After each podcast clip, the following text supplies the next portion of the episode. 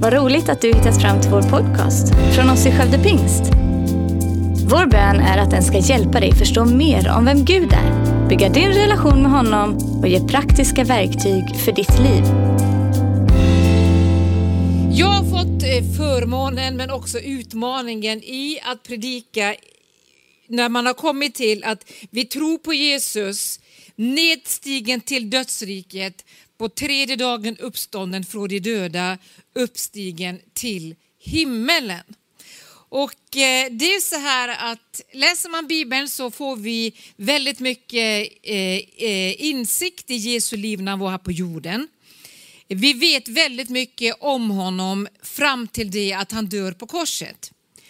Sen vet vi väldigt sådär jättemycket men Bibeln låter oss ändå få ett glimt av det som hände när Jesus lämnade korset och steg ned i dödsriket. Och jag hoppas att den här lilla predikan idag inte ska bli en spekulation. Men samtidigt så måste vi nog eh, tacka Gud att han har gett oss en gåva som även heter fantasi. För vi glömmer ibland att fantasin är en gåva från Gud. Som bibelskolelärare har jag många år uppmuntrat mina elever att när de läser Bibeln be den helige Ande hjälpa dem att även tänka på det de läser. Eh, det, till exempel när du läser en bok så läser ju du bokens berättelse men du läser också igenom och emellan radarna, att man får med sig liksom bilderna. Och jag ber idag att den helige Ande ska få uppenbara det här för oss allihopa. Jesus han började sin offentliga tjänst på den här jorden med att han lät sig döpas av Johannes i eh, floden Jordan eh, som ligger i Israel. Och den här floden Jordan, på dess lägsta punkt så ligger den ju ungefär 400 meter under havsytan.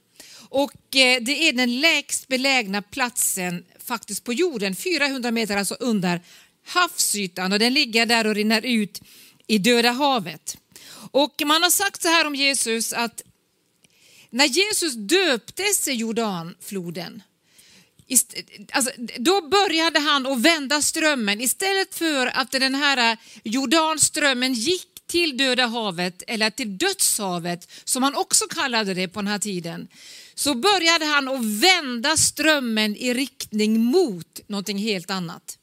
Han började sin vandring upp mot Jerusalem.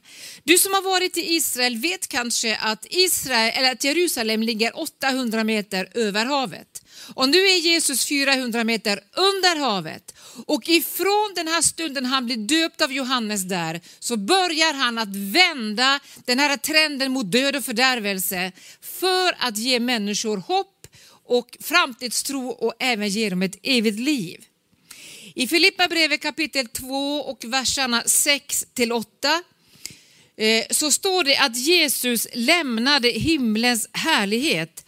Och jag skulle faktiskt vilja läsa de här verserna ifrån Filipperbrevet kapitel 2 och ifrån vers 6 så står det så här.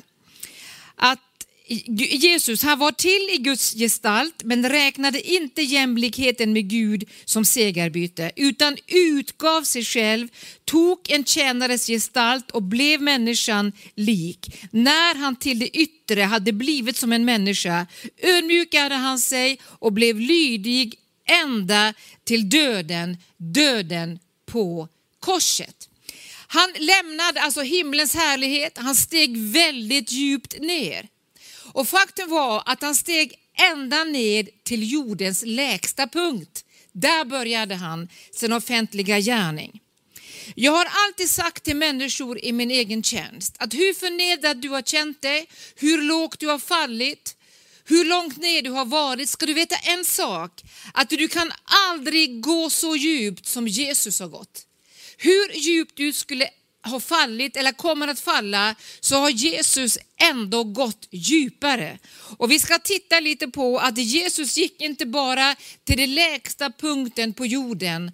Han kom även att gå ännu längre. Han kommer att, han kommer att stiga ned i dödsriket. Jesu vandring slutade nämligen inte på Golgata.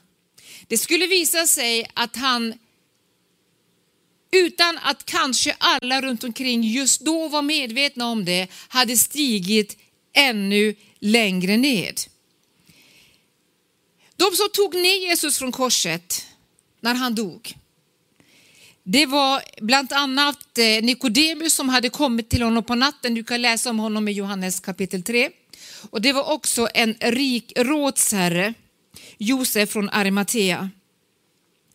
Och det de kanske inte visste, det var att när de höll på där och eh, svepte in honom för att lägga honom i en grav, så hade Jesus redan gått vidare.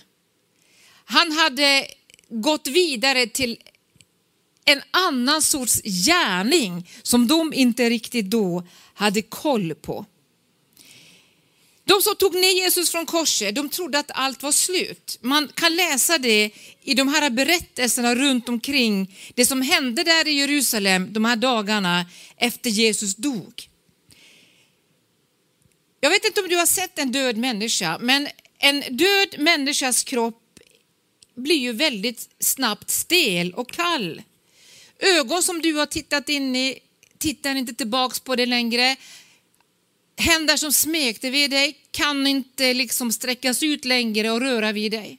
Samtal som du hade fört med någon, de här öronen ger ingen respons längre, tar inte in någonting. Och alla vi som har stått vid våra nära och käras anhöriga och sett när de har lämnat det här sista andetaget vet att det här är väldigt definitivt. Det finns liksom ingen återvändo. Det finns ingenting mera att hämta ifrån dem. Och den här insikten kan bli väldigt, väldigt jobbig. Att när man sitter där och allt det man hade hoppats på, allt man hade älskat, allt som har varit tryggheten för en i tillvaron inte längre kan finnas där och gensvara på dina behov, då kan det bli en otroligt stor frustration och det blir det även bland lärjungarna. Jesus är död, allt vad vi hoppades på är nu över, det är tillintetgjort, det är förspilt. Petrus som har gett oss kanske en av de största insikterna i vad som hände med Jesus. Han tillhörde ju Jesu närmsta apostlar. Och han tillhörde nog också de som insåg att det är över nu. Jesus, han är död. Men flera år senare när Jesus skriver sina brev till församlingen i mindre Asien, första och andra Petrusbrevet, så är det han som egentligen berättar för oss vad som hände i det ögonblicket när Josef och, och, och Nikodemus höll på och liksom och svepte in Jesus. Det är han som ger oss lite av insikten i vad som hände med Jesus själv. Och när han fick den här eh, Eh, insikten, det vet inte jag.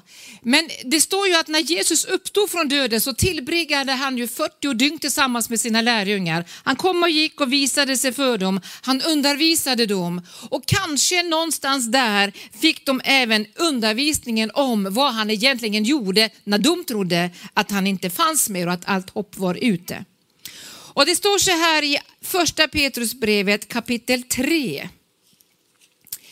Första Petrusbrevet kapitel 3. Jag läser ur eh, Svenska folkbibeln eh, i eh, 2015 översättningen där. Alltså andra Petrusbrevet kapitel 3 och jag ska läsa ifrån vers 18. Då skriver Petrus. Så led också Kristus en gång för era synder. Rättfärdig led han i orättfärdigas ställe för att föra er till Gud. Han blev dödad i kroppen men levande jord genom anden. I anden gick han sedan och förkunnade sin seger för andarna i fängelset, för dem som förr hade vägrat lyssna när Gud väntade tåligt under Noas dagar medan arken byggdes. I den blev några få, åtta själar frälsta genom vattnet. Efter denna förebild frälste nu dopet också er. Det innebär inte att kroppen renas från smuts utan är ett rent samvetes bekännelse till Gud genom Jesu Kristi uppståndelse. Det är lite, eh, vad ska jag säga, eh, lite märkligt men, men, men kanske inte så märkligt ändå. Jag kommer ihåg när Sven Bengtsson undervisade här den 7 juni så säger han att ända ifrån början så har ju dopet med frälsningen att göra. Och eh, när Jesus själv ska beskriva sin vandring mot Golgata så beskriver ju faktiskt Jesus det som ett dop som han ska genomgå. Och även här så säger Petrus att dopet det är en samvetspakt mellan mig och Gud. Alltså det är någonting jag gör för att komma in i frälsningen och uppleva Guds rikes frukter. Och förresten så ska jag bara tillägga att på den här bibelversen, när jag själv blev döpt en gång för länge sedan, så var det på denna bibelvers jag blev döpt som jag fick en övertygelse att dopet var en samvetspakt mellan mig och Gud. Men jag ska inte tala så väldigt mycket om dopet. Jag vill bara ta er lite med, vad säger Petrus egentligen hände när Jesus kom till dödsriket? Han säger så här, i anden gick han bort, vem han? Jo Jesus. Och utropar ett budskap för andarna i fängelse. Dödsriket omtalas som fängelse i Bibeln. Det kan man läsa även i Uppenbarelseboken. För dem som den gången var olydiga när Gud tåligt väntade under Noas dagar medan arken byggdes, i den blev några få, åtta personer frälsta genom vatten. Och eh, när Petrus då långt senare skriver ner det här som hände, så så, så, så, så, skriver han, han alltså att, att det som Jesus gjorde det var att han gick ner och predikade för de här eh, som var i dödsriket. Eh, alltså, vad, vad, var det som hände i, i, i det här nedstigade? Petrus säger att, att Jesus dog fysiskt. Men att han fortsatte att leva i anden. Alltså det går inte att stoppa Jesus. När hans kropp liksom dog fysiskt, när hans kropp tog slut, så fortsätter hans ande längre ner än den lägsta punkten på jorden. Han började sin, sin jordiska vandring i Jordandalen, men nu går han alltså ännu längre ner. I Bibeln så, bes, så beskrivs dödsriket som någonting som är där nere.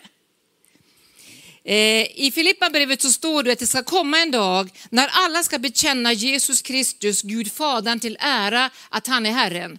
De som är på jorden, de som är under jorden och de som är i himlarna. Alla ska en dag bekänna Jesus Kristus vara Herren.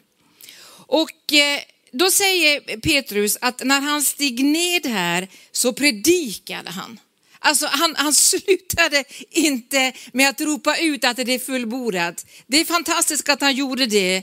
Då böjde han sig ned, hans huvud ramlade ner mot hans bröstkorg. Han ropade ut, Fader, i dina händer överlämnar jag min ande.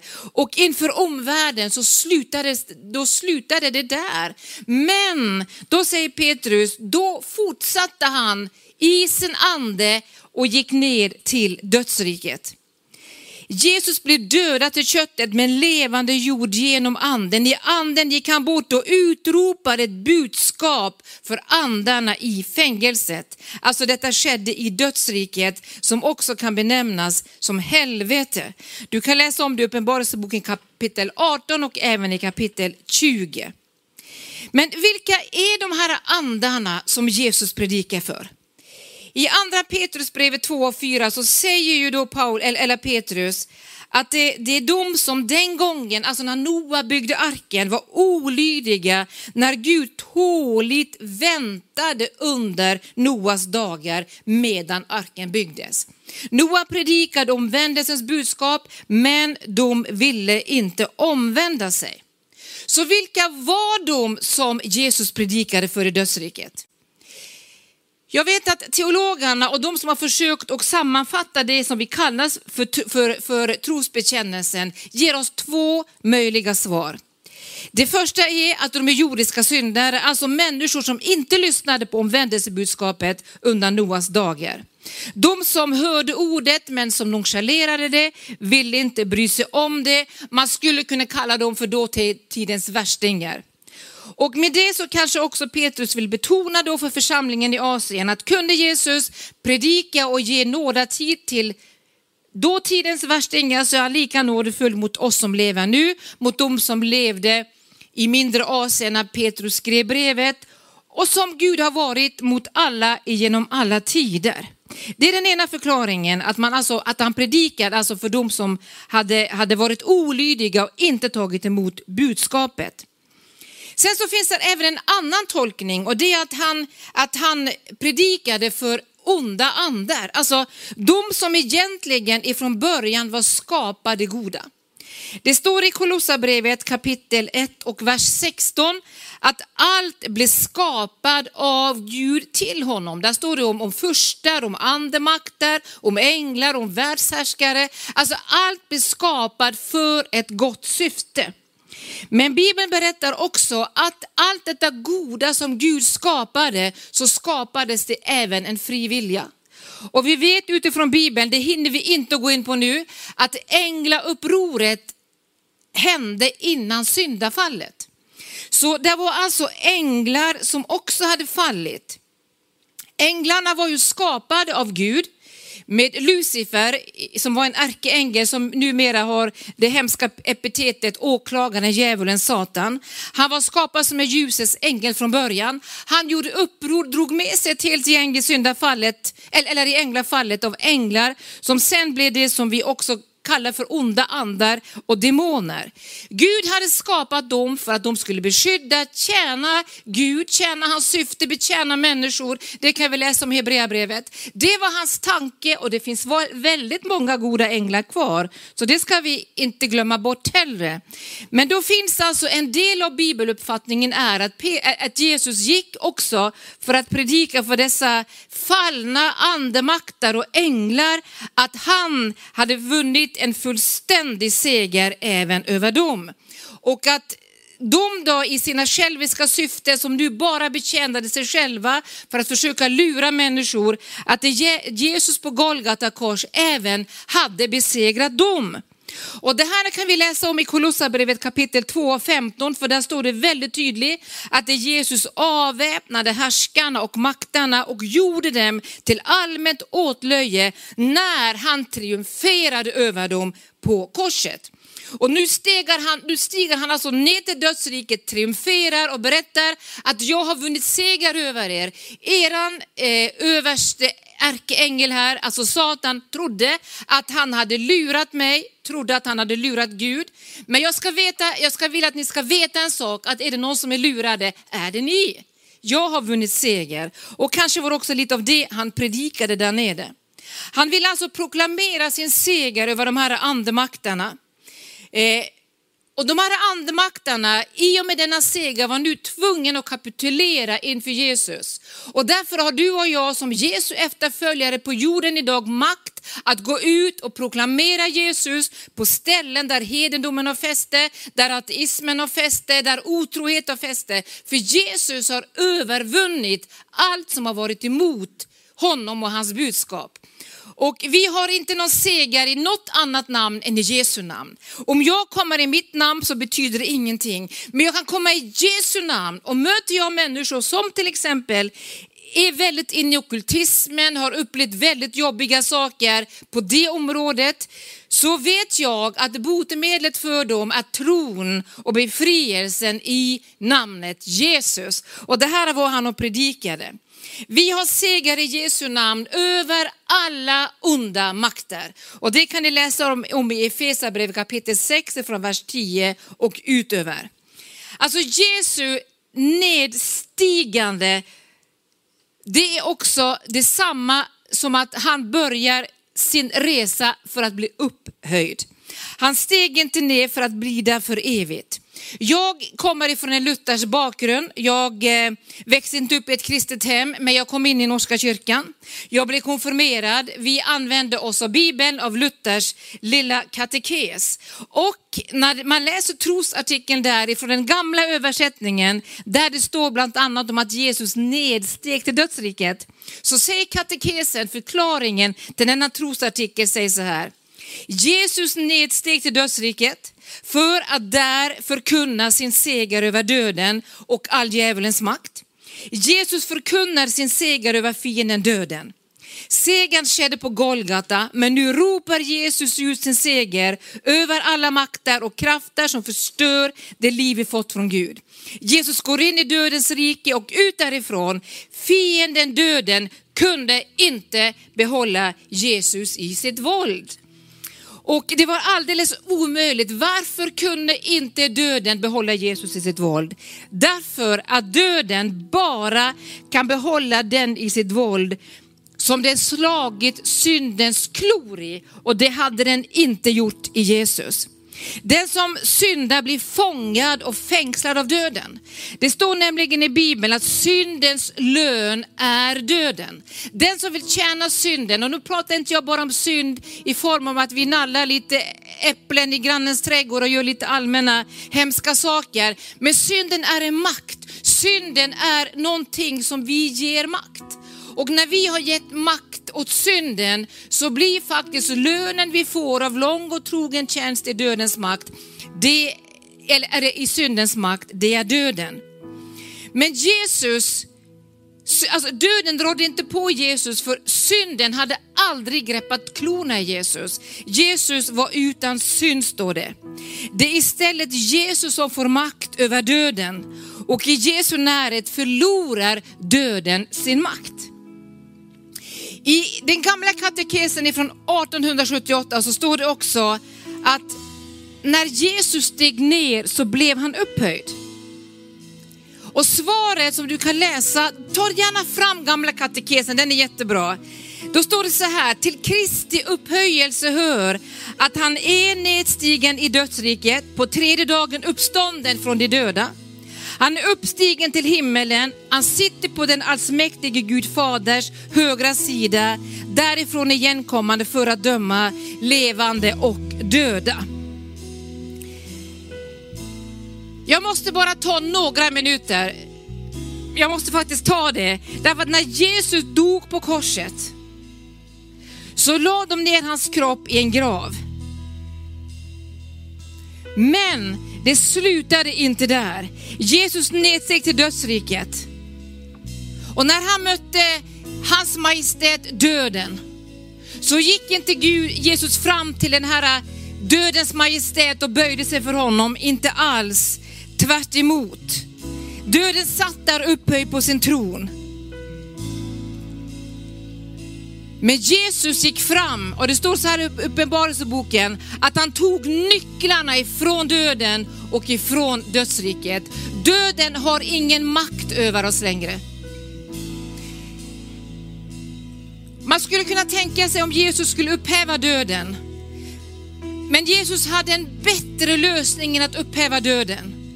Jesus hade en lösning att döden skulle få tjäna ett syfte. Döden skulle få tjäna som en ingång för oss till det eviga livet. Vi behöver inte leva kvar här för evigt med våra jordiska bestyr. Men döden blir en inkörsport till det eviga livet. I Filipperbrevet kapitel 1 och vers 21 så står det, Paulus säger, för mig är livet Kristus och döden en vinst. Hur kan döden bli en vinst? Jo, Döden är inkörsporten till livet. Det slutar inte med döden. Jesus övervann döden. Jesus övervann den sista fienden. Och därför, du som lever nu och är orolig för att du ska dö en dag. Vi ska alla dö. Om inte vi tillhör den generationen som får vara med uppryckande så ska vi alla dö. Men Jesus säger, du behöver inte vara orolig för döden. Jag har varit där, jag har tagit makten, nycklarna. Det är inte så att du ska döden dö, nej. Du ska gå via döden för att återuppstå till ett evigt liv. Jag vill bara sluta med att berätta en liten historia ifrån prästen Bengt Pleijel. Han är numera en äldre man, han har eh, bara, han, har, han har haft massa konfirmationsundervisning genom åren. Han sa en gång någonting som jag aldrig har glömt.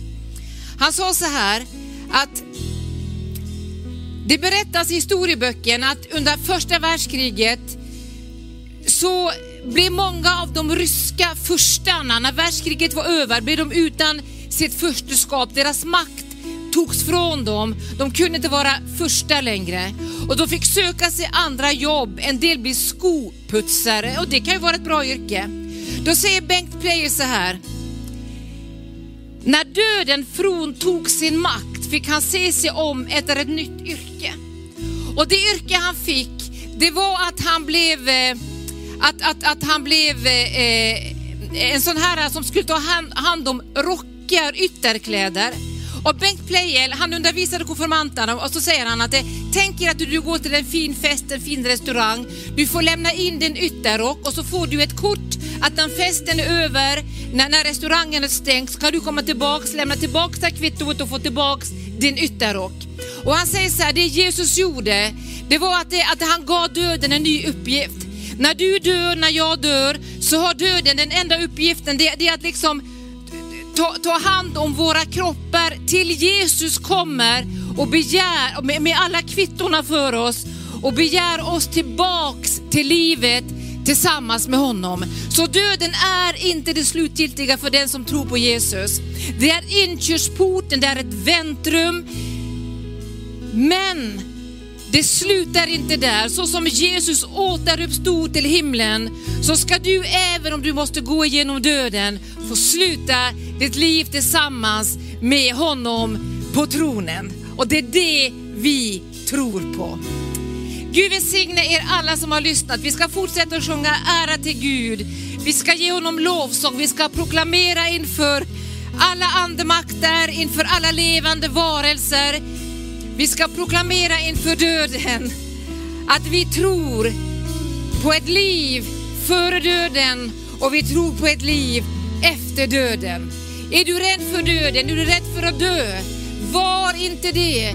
Ta emot Jesus som din Herre och Frälsare och du behöver aldrig, aldrig frukta varken för livet nu eller för det som kommer i det nästa livet.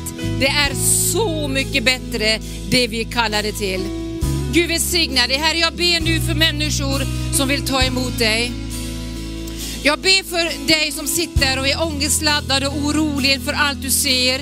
Du kanske har dålig hälsa, ditt liv kanske håller på att ebba ut. Men jag ber för dig i Jesu namn att du ska få se att det där finns en som väntar på dig på andra sidan. Jesus finns, han finns här nu för dig. Han räcker ut sin hand till dig, han tar dig i handen och han säger till dig, kom, du är inte ensam, jag går med dig. Jag som har varit med dig i livet, jag går med dig genom döden och du ska få återuppstå tillsammans med mig i all evighet. Tog du emot Jesus nu, hör av dig och så hjälper vi dig vidare. Gud välsigna dig och ha en underbar fin söndags eftermiddag i Jesu namn. Amen. Tack för att du lyssnat. Gärna podden med dina vänner och glöm inte att prenumerera så du inte missar nästa predikan. Om du har några frågor eller vill att vi ska be eller tacka för något tillsammans med dig så får du gärna höra av dig till kyrkan skövdepingst.se.